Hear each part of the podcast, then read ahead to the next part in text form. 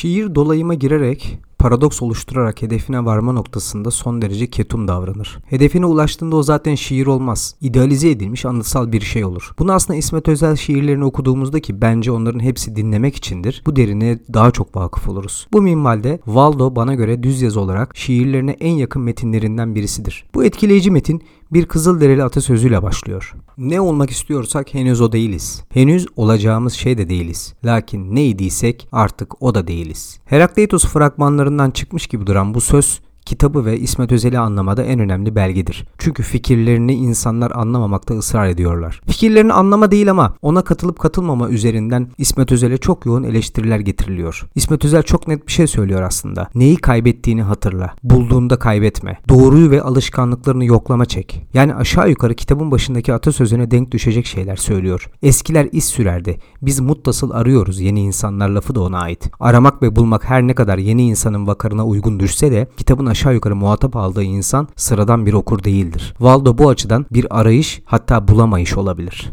Dünyaya gelmek bir saldırıya uğramaktır. Yaşıyor olmak, savaşıyor olmaktan başka bir şey değildir. Bir gün son nefesimizi verdiğimizde bize yapılan ilk saldırıyı püskürtmüş oluruz. Savaş bitmiştir. Yaşamak ve savaşmak İsmet Özel bakış açısında aynı şeydir. Eğer yaşarken bu savaşın farkında değilsek uyanıkken uyuyoruz demektir. Waldo modernizmin insana kurulan tuzakların izah edildiği bir metindir.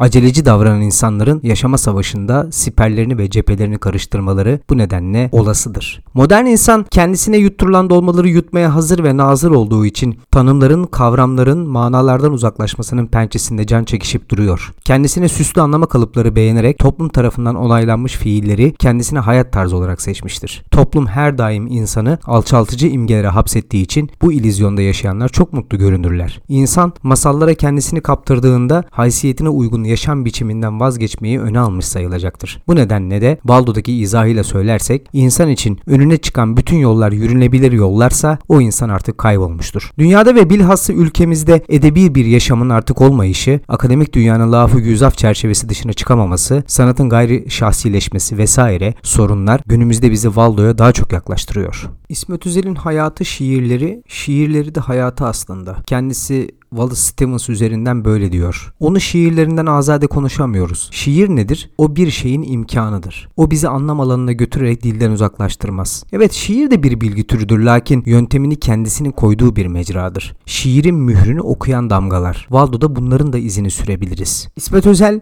hayır diyen birisidir. Maliyeti düşük bir mecrada yani şiirde işe başlanıyorsa oradan en yüksek maliyeti elde etmek gerekiyor. Rutine ve günlük alışkanlıklarımıza darbeyi indirmiştir. Nasıl bir çağda yaşadı İsmet Özel? Diktatörlerin demokrat olduğu, kapitalistlerin özgürlükçü olduğu, modernlerin postmodern lakırdılar yaptığı bir çağ bu. Eğer çağın esintisine kendinizi kaptırırsanız size yutturulan dolmaları da yiyebileceğiniz kullanışlı bir çağ. 60'ların imkan sunduğu alanları şiirle ve yerli sosyalist umdelerle doldurabildiysek daha şerefli yaşayabilirdik diyor. Solun ajite oluşuna kendimizi kaptırarak gittikçe liberal ve aydınlanmacı kafalarımızla buralara kadar gelmiş durumdayız. İslamcılığın İslam'ı fosilleştirme gayretleri de artık teslimiyetleri de savurmuş durumdadır. İsmet Özel, Valdo ve diğerlerinde aslında hep aynı şeyi söyler. İsmet Özel şiirleri bir sözlük olarak da kullanılabilir. Partizan yani taraf olmanın üstünlüğü kendisine akarak boğulanların karşısına konulmuştu. Çünkü şair oraya gidiyorum, boğulmaya diyordu. Türkiye'de devrimci tavırlar, milliyetçi tavırlar ve İslamcı ideoloji hep mitolojiden beslenmiştir. İnsanları büyük hikayelerle kandırıyordu bu düşünceler. İsmet Özel şiirlerindeki özellikle savaş bitti meselesinde hep bunlar ele alınmıştı. Siperlerimiz, cephelerimiz ve büyük manifestolarımıza karşın savaşacak düşmanımız yoktu. Uydurulan düşmanlarla geçmişti ömürler. İnsan bu akışa kendisini kaptırdığında kendi haysiyetini ayaklar altına çoktan almıştı bile. Şairlerle savaşa giriyorum diyor bir yerde. Carl Sandburg,